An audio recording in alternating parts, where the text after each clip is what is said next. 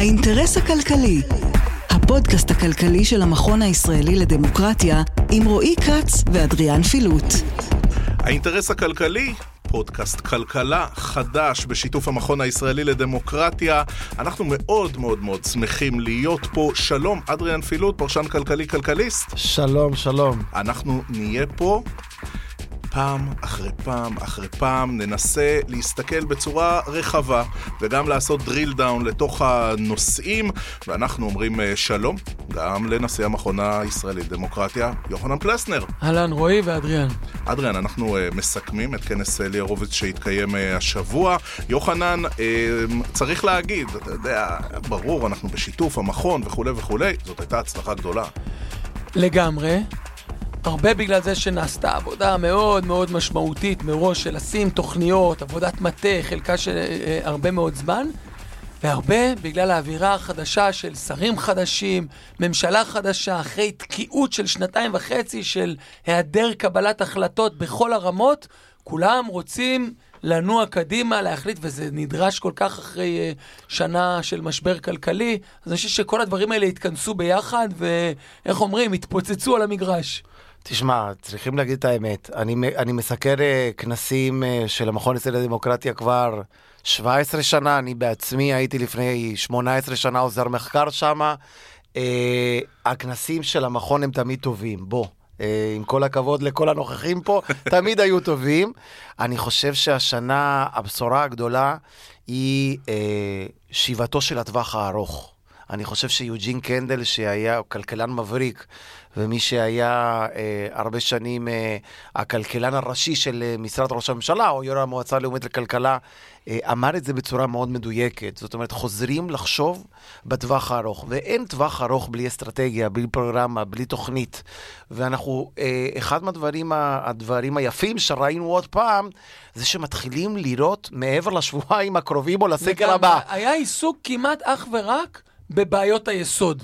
בבעיות היסוד של הכלכלה, ועוד... שהוזנחו, שהוזנחו. לא, שלא היה בהם טיפול בכלל. עכשיו, אחד הדברים, אני חושב שהמעודדים, ואני לא רק, זאת אומרת, יש עדיין צריך ביצוע והכול, יש עדיין אתגרים, אבל אחד הדברים המעודדים, שיש די הסכמה על מהם בעיות היסוד של המשק. אם זה בתחום הרגולציה, אם זה שצריך לטייב ולצמצם, אם זה בתחום של פערי תשתיות. אה, אה, שכמובן צריכים להתאים את התשתיות גם לעולם של משבר האקלים, אבל גם לצרכים של, אה, של משק מודרני, ושהרבה מהפערים בפריון נוגעים לתשתיות. בכל האתגרים של הון אנושי, כולל אוכלוסיות שנשארו מאחור, אתגר ענק, וכמובן אתגרי, ה, הייתי אומר עוד שניים, אחד אתגר המקרו, והאתגר של הנאה מחודשת של כמה מהשירותים הציבוריים המאוד משמעותיים, אה, כולל בריאות ובעיקר חינוך. עיסוק באתגרים של החינוך, שבעצם אמור להכין את המשאב הכלכלי הכי חשוב אה, במדינת ישראל, וזה ההון האנושי. אנחנו, כאמור, פודקאסט האינטרס הכלכלי, אומרים תודה רבה לנשיא המכון הישראלי לדמוקרטיה, יוחנן פלסנר. תודה, יוחנן. תודה רבה, הצלחתכם, הצלחתנו. בלשון המעטה. האינטרס הכלכלי. אנחנו לא ארצות הברית, אין לו מכונה שמדפיסה דולרים, ואנחנו גם לא יפן ולא בריטניה, שמאחוריהם עומדת כלכלה ענקית עם החברות הגדולות בעולם. אנחנו במצב אחר. כל פעם מנסים לתת לי דוגמה, תסתכל מה קורה בארצות הברית, איזה גירעון, ומה ביפן, ומה ב, באנגליה. שלא נפתח חס וחלילה שיגעון גדלות. אחד הדברים שבלטו מאוד אה, בכנס אלי הורוביץ השבוע הייתה הופעתו של שר האוצר החדש, נכון. אביגדור ליברמן, כרגע שמענו אותו אומר ככה, באיטיות, אומר, אנחנו לא ארצות הברית, ואנחנו לא בריטניה, ואנחנו לא יכולים להדפיס דולרים, ומכניס ככה לפרופורציות את המשק הישראלי כולו, וגם את השותפים הקואליציוניים שלו, שכל הזמן מדברים על לשנות יחס חוב תוצר ולשנות יעד גירעון, מחזיר אותם למציאות. תראה, רועי, אני חושב שקודם כל, לשמוע שר אוצר שבא ואומר, יש מגבלה. זה כבר חידוש מרענן. זאת אומרת, זה חזרנו, זה חזרנו חמש שנים אחורה. הורדוס עזב, את, ה- הורדוס עזב את הבניין. בדיוק, רואים שהורדוס עזב את הבניין. אתה זוכר שהייתה מפלגה בשם כולנו, שגם כן אה, קצת שכח שיש מגבלת תקציבית. אה, ולכן פתאום בא שר האוצר ואומר, יש מגבלה. אנחנו לא נוכל לעשות את כל מה שאנחנו רוצים לעשות, אנחנו חייבים לעשות אה, תעדוף. אה, תראה, אני חושב שהחלק השני של, ה, של הנאום של ליברמן הוא גם מאוד מעניין, כי הוא בעצם מדבר על ביטול כפילויות. קודם כל הוא ביטל את הכפילויות בתוך משרד האוצר. אלו היו כפילויות הרבה יותר פשוטות, רועי, כי אלו כפילויות שנבעו מאינטרסים פוליטיים של, אה, של מי שהיה אז שר האוצר ישראל כץ. כדי לענות, ל... זאת אומרת, לשלם דיבידנדים פוליטיים, והקים שתי מטות מיותר, מיותרות לחלוטין, לחלוטין, וגייס עובדים, אז הוא מחק את, ה... את החטא הזה, אבל עכשיו מגיע השלב שאתה צריך באמת להתחיל להיכנס לעובי הקורה, ואפרופו השיחה שהיה לנו עם יוחנן, להתחיל לעשות מה שמכונה בג'רגון האוצרי החריש העמוק. זאת אומרת, אתה צריך לבוא ולהסתכל על ההוצאה הממשלתית, ולהבין איפה יש הוצאה שהיא יעילה, שהיא משרתת אותי, משרתת אותך, משרתת את, אולי את המגזר הציבורי, את המגזר, את המגזר העסקי. באיפה בעצם נוצרו כפילויות מיותרות שצריכים פשוט לבטל אותם, כי אין להם שום, אין, אין להם שום תועלת. הזכרת את כחלון, ואתה יודע, אה, אומר שם אה, פרופסור אמיר ירון, נגיד בנק ישראל, הוא מדבר על אה, הגירעון של מדינת ישראל. הוא אומר, תראו, אה, הגירעון הזה הושפע כמובן לרעה בצורה משמעותית נכון, בגלל שנת הקורונה, הקורונה. נכון. אבל הוא מזכיר, תמיד את הוא הגירעון מזכיר את המבני. הגירעון שגם נכנסנו לשנת בוודאי. הקורונה. וזה הגירעון עליו חתום משה כחלון, והדבר הכי טוב שקרה לכחלון זו הכהונה של ישראל כץ. נכון. מפני שאף אחד כבר לא זוכר, אף אחד כבר תשמע. לא זוכר שלקחו פה שנים כלכליות מצוינות, ממש. ועשו איתם מה שסבתי הייתה מכנה ביידיש גורנישט מיט גורנישט. נכון, תשמע, אה, הגירעון, מה שמכונה הגירעון המבני, הוא הגירעון המנוקה מחזור. אני כותב על זה כל הזמן, כי אנחנו נכנסנו ב-2019, אנחנו כבר היינו שיאנים בגירעון המנוקה מחזור, ה- ה- או הגירעון המבני, שזה בעצם, בואו נסביר למאזינים, שזה בעצם ההפרש בין ההכנסות הפרמננטיות שלך, לא אלו שהן נובעות מאיזשהו טריק או מאיזשהי אקזיט, שזה... זה, וההוצאות... שגם מהאקזיטים האלה, ממש. נגיד, נהנה משה כחלון ממש. מאוד. אבל אתה יודע, רועי, שעם האקזיטים האלו ועם הכסף הזה היינו צריכים לעשות מה שיוחנן אמר, השקעה ממשלתית, לא הוצאה ממשלתית. זה הרי כל, כל ההיגיון בסיפור הזה זה להשקיע לטווח ארוך. וזה לא קרה, ובסופו של דבר כשאתה מסתכל על הגירעון המבני, על כמה אתה מוציא לעומת כמה נכנס לך בקבוע, לא בחד פעמי, אתה רואה שמדינת ישראל, או ממשלת ישראל, הגיעה למקום השלישי, תתפלא אחרי מי? אחרי דונלד טראמפ, ארצות הברית, ואחרי ויקטור אורבן, הונגריה. שני אנשים שאנחנו מכירים את המשטר שלהם, זה, אתה יודע, זה מה דונ- שמאוד דונ- מזכיר לנו. דונלד טראמפ, שהגיע מהמפלגה שחרתה על דגלה שמרנות פיסקלית, רק שכח- רק שכחה ליישם. לגמרי, וגם כן, אתה יודע, זה, זה ש, שני מנהיגים מאוד מאוד פופוליסטים, שאתה יודע, זה, זה, זה, זה באמת מאוד בעייתי. אדריאן, הזכרנו רגע את הורדוס. אה, כמה הרוח החדשה של ליברמן ושל אה, רמי בלינקוב, המנכ"ל החדש, כמה היא אה, מכניסה איזשהו סדר בשיגעון. כי עדיין צריך למצוא אה, נושאי תפקיד, כאלה שאתה יודע, בתוך פירוק המשרד הזה בשנה האחרונה הלכו, התמנו ממלא מקום, אין אפילו דמויות אה, קבועות, ומתוך הניסיון שלך וסיקור של הרבה שנים, מתי אפשר לחזור לעבוד? תראה, בסוף צריכים פה להעביר תקציב. נכון. יש רפרנטים באוצר שהעבירו תקציב? תשמע, קודם כל, יש, צריכים להפריד, כי יש את, ה, את התחלופה הטבעית בתוך כל אה, החטיבות של האוצר, אנחנו מדברים על אגף התקציבים, על החשב הכללי, על הסכמי עבודה ומה שנקרא הממונה על השכר, כלכלן ראשי וכולי. אה, שמה אה, התחלופה המשיכה, אבל הייתה אווירה שאי אפשר לעבוד, כי אתה לא יכול לפתוח את הפה. כי יש פה משהו או מישהו שעובד בשביל מישהו, ואין פה לטובת לגופו של עניין, אלא לגופו של אדם.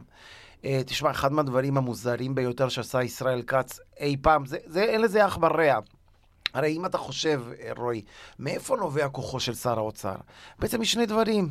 כשאתה שולט על התקציב, יש מסמך שאתה קובע את סדר העדיפויות, ושיש לך פקידים שמנהלים את המסמך הזה. הוא גמר את שניהם, בסופו של דבר. הוא פשוט הרג את שניהם. ולכן אתה בא ואומר, אוקיי, אז עכשיו צריכים להתחיל לעבוד, ואז להחיות את תהליכי העבודה.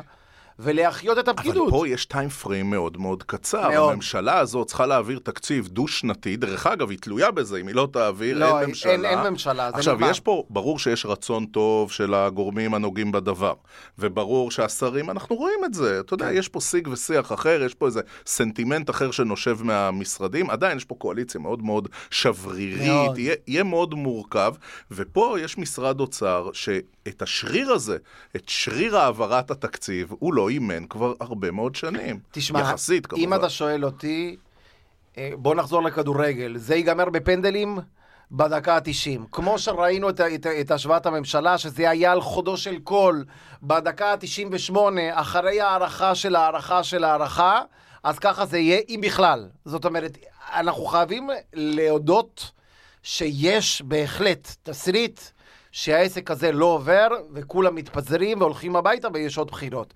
התסריט הזה קיים, כי כמו שאתה, כמו שאתה אה, אה, היטבת לתאר, השבריריות של הממשלה הזאת, הסיכון הפוליטי הטמון בתוך הקבוצה הזאת שבאמת אה, הת, התלכדה אה, לפני שבועיים, הוא מאוד מאוד גבוה. הוא מאוד, עדיין מאוד גבוה.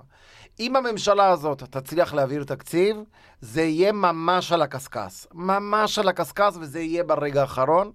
ואל תשכח, בסופו של דבר, אנחנו יודעים שאחרי שמאשרים תקציב, מתחילה לפעול ועדת הכספים. ואנחנו יודעים ששם מתחילים את כל השירקס, ומתחילים לשנות את כל ה... לנתב מחדש את כל ההוצאה. וגם, אתה יודע, ועדת הכספים עכשיו היא מונהגת על ידי אה, פוליטיקאי יחסית צעיר. אנחנו התרגלנו לראות שם, אתה יודע, כל מיני אה, שריפים של הכנסת, A.K.A. משה גפני, יעקב ליצמן. אלכס קושניר, נכון, יש לו את התיאום, הוא מישראל ביתנו, הוא מסונכרן עם שר האוצר, זה גם כן הרבה שנים כן. לא ראינו, אבל בסוף, כפוליטיקאי, יחסית פוליטיקאי צעיר. תשמע, אתה תסלח לי שאני לא עצוב שהמפלגות החרדיות איבדו את ועדת הכספים. אה, אגב, בראש ובראשונה, בגלל החרדים. זאת אומרת, באמת שם צריך טיפול שורש, שהפוליטיקאים החרדים, לא החברה החרדית, אני מדגיש, יש הבדל תהומי בין שני המוסדות אבל אדריאן, לא יקרקסו את קושניר. לא, אני לא חושב שיקרקסו אותו, כי אל תשכח, מי הבוס של קושניר? איווט. שר האוצר. עצם העובדה שיש את הרצף הזה, זה יתרון מאוד מאוד גדול. אני לא זוכר בפעם, מתי בפעם האחרונה היה דבר כזה. ו... 2005, משהו כזה, כן. זה, זה הרבה שנים. חלפו הרבה שנים, יקירי. 2005 זה כבר uh, זה. כן, כן. Uh, אני חושב שאם איווט... ומי שבטוח יודע לנצ... לנצל את זה, זה פקידי אגף התקציבים. ורם בלניקוב, שהוא נכנס, ל... נכנס ל...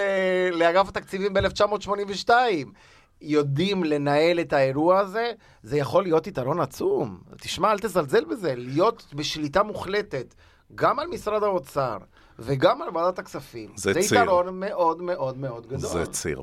אנחנו, האינטרס הכלכלי, עוברים לנושא הבא. האינטרס הכלכלי. זאת הפעם הראשונה בתולדות מדינת ישראל שמתייצבות ארבע השרות הרלוונטיות, אנרגיה, תחבורה, וכלכלה, ושותפה לנו גם מנהל התכנון ממשרד הפנים, ומתחייבות ביחד בשם הממשלה לפעול עכשיו להפחתת פליטות ולהצבת יעדים שאפתניים שיוגשו לאו"ם במסגרת המחויבות הבינלאומית של ישראל לקראת ועידת גלסגו שתתקיים מאוחר יותר השנה. בכך משתתפת ישראל במאמץ הגלובלי להפחתת פליטות גזי חממה ולפיתוח אנרגיות מתחדשות. אחד הדברים המשמעותיים שראינו בכנס אלי הורוביץ היו ארבע שרות ממשלה, חדשות חדשות. מדהים.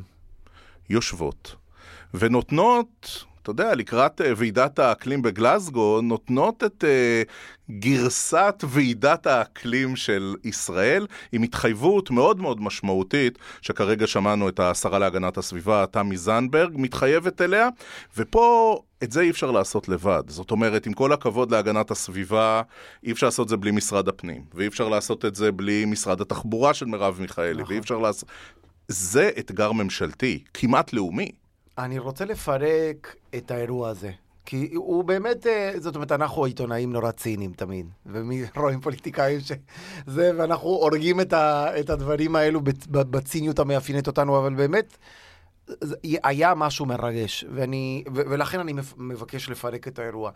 תשמע, רועי, אה, גם ה-IMF, גם קרן המטבע הבינלאומית, אבל בעיקר ה-OECD, ארגון המדינות המפותחות, וגם האקדמיה, יש הסכמה רווחת, והיא לא חדשה, שאי אפשר להצמיח את המשק תוך גרימת נזק לפלנטה.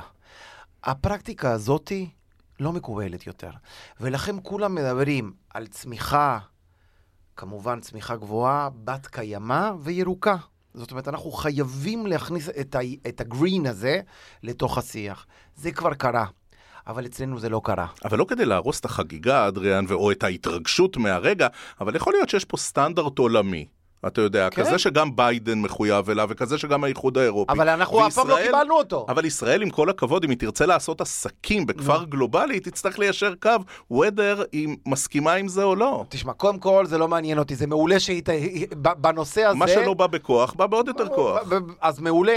אז פעמיים כי טוב, אתה יודע מה, זה לא, דווקא בקטעים האלו, אם זה בא בכוח, לא מעניין אותי, כי זה כל כך חשוב. העניין הזה הוא כל כך עקרוני, הוא כל כך בסיסי, הוא כל כך בפנים, זה, זה, זה חלק מה...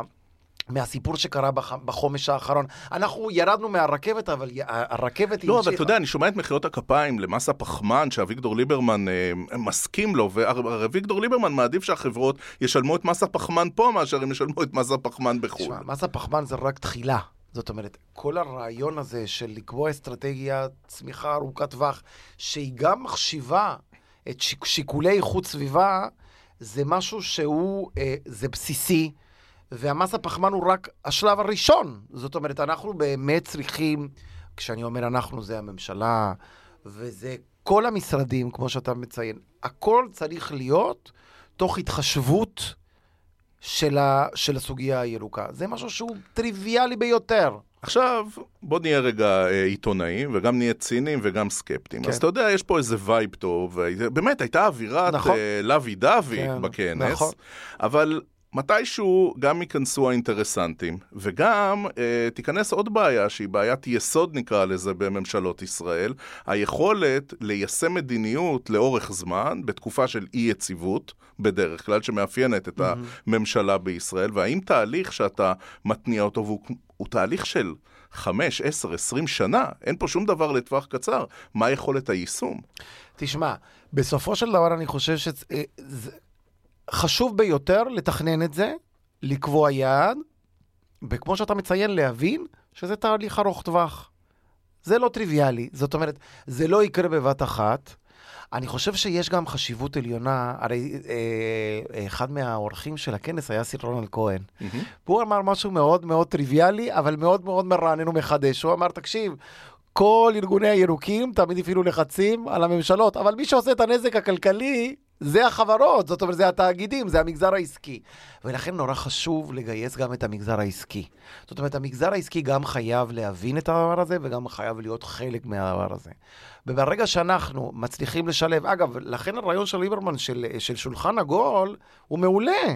כי ככה צריך לעבוד, אתה צריך היום לעבוד בשולחנות עגולים. בסופו של דבר אתה צריך לבוא, ממשלה וגם מגזר עסקי, כי אל תשכח, וזה באמת משהו שאתה מציין, אני לא יודע אם התכוונת לזה, אבל בסופו של דבר אתה מעלה פה נקודה מאוד חשובה.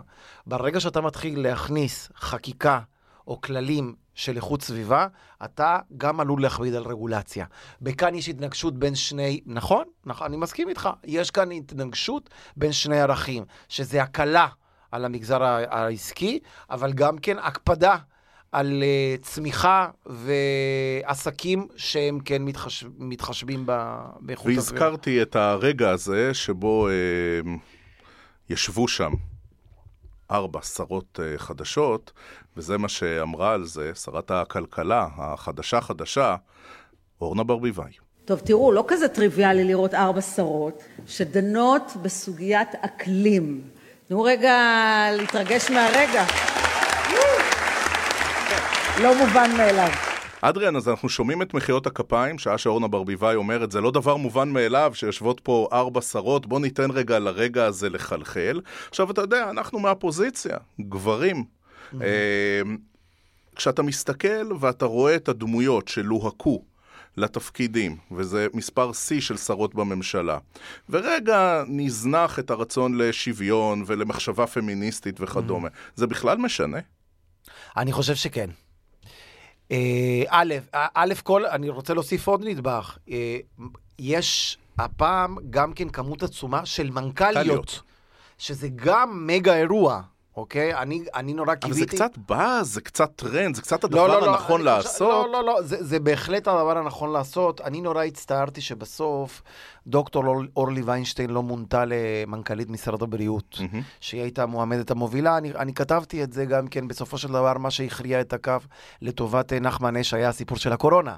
אבל אומרת, אתה, אתה, אתה בטור שלך, השבוע בכלכליסט, אתה עקצת את ניצן הורוביץ, כי אתה אומר... אבל אתה- היה על התהליך, היה, על היה התהליך. מצופה ממך, ניצן נכון. הורוביץ, מהמפלגה שאתה בא, נכון. מהאג'נדה, נכון. שגם אתה תמנה אישה. תשמע, בסופו של דבר, זה אתה לא יודע, לא, של- לא, כי אתה יודע מה הכי מעצבן, רועי? כי כשמכניסים פוליטיקת זהויות ל, ל, לפוליטיקה, אני מבין, אבל כשמכניסים את זה לדרג מקצועי, אתה יודע מה הכי מעצבן בדברים האלו? שתמיד אומרים, אני, רוצ... אני רציתי למנות אישה, אבל הן מספיק טובות. כאילו, אתה מבין?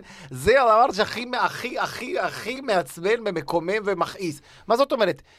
נשים הן הרבה יותר חכמות מגברים, באופן גורף. אז כמובן שאתה צריך למצוא אותם ולהביא אותם. ל...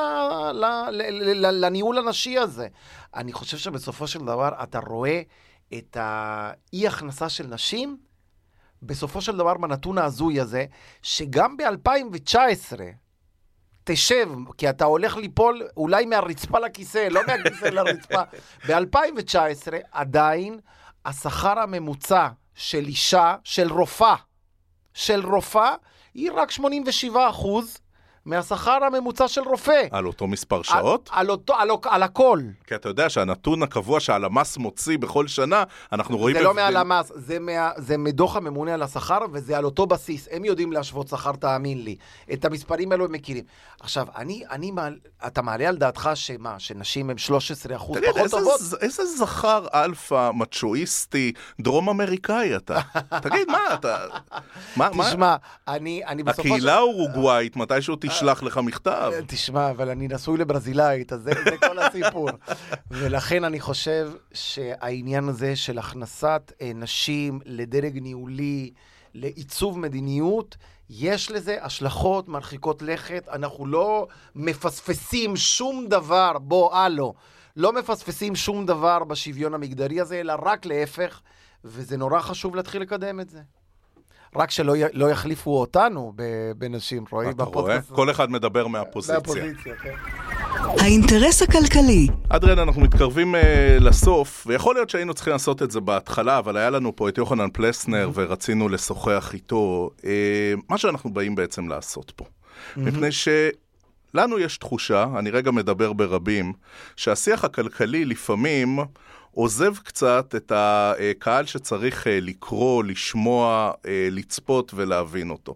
אה, קצת חשיבות עצמית של העיתונאים, קצת אה, בעיה של אוריינות, של נכון. פשוט להבין אפילו את המונחים ואת הראשי התיבות וכל נכון. הדברים האלה. ואנחנו חושבים שאנחנו יכולים לעשות את זה אחרת. לגמרי, תשמע, אני חושב ש... וזה גם חלק מה... אני רואה את זה כחלק מהפונקציה החברתית שלי כאדריאן פילוט, כעיתונאי, כפרשן בכיר בכלכליסט, זה לפתוח את השיח הכלכלי. זה חלק אינטגרלי מהתהליך הדמוקרטי. הרי בן אדם שלא מבין ואין לו גישה למידע, והוא לא יכול אה, אה, אה, להסתכל על המציאות ולהבין אותה, הוא לא יכול, זאת אומרת, אין פה תהליך של דמוקרטיה ברגע שאנחנו משאירים חלקים מאוד מאוד גדולים מהקהל מחוץ לשיח, ולכן הוא לא יכול להשפיע. לכן זה באמת כל הרעיון, זה להנגיש. איך אנחנו מנגישים את כל הדברים האלו שלפעמים אה, נראים או נשמעים נורא מפחידים, כי אתה יודע, כל הנוטריקונים המוזרים האלו, הם בעצם מיועדים גם להרחיק את האנשים. אתה יודע, לפעמים אנשים לפתוח. אומרים לי, במה התוכנית שלך עוסקת? אני אומר להם, בהכל. נכון. הכל זה כלכלה. הכל זה כלכלה. הכל זה כסף, הכל זה החיים שלנו, ואת זה אנחנו נעשה גם בפודקאסט הזה, ואנחנו שמחים מאוד של האינטרס הכלכלי, הפודקאסט שלנו, אנחנו עושים אותו בשיתוף המכון הישראלי לדמוקרטיה. אה, אנחנו מזמינים אתכם, אם אתם רוצים, אתם יכולים אה, לשלוח אלינו תגובות, אתם יכולים לספר לנו על מה תרצו לשמוע יותר, נכון. על מה הסכמתם, אולי... קצת פחות, הכל בסדר, אה, אנחנו שמחים בזה מאוד. אדריאן פילוט, כלכליסט, תודה רבה. תודה רועי אלין לעונג. אני אגיד uh, תודה גם לרדיו תל אביב שמארח אותנו ולניר אקמן שהיה הטכנאי שלנו. אני רועי כץ ואנחנו ניפגש בפעם הבאה באינטרס הכלכלי. האינטרס הכלכלי, הפודקאסט הכלכלי של המכון הישראלי לדמוקרטיה, עם רועי כץ ואדריאן פילוט.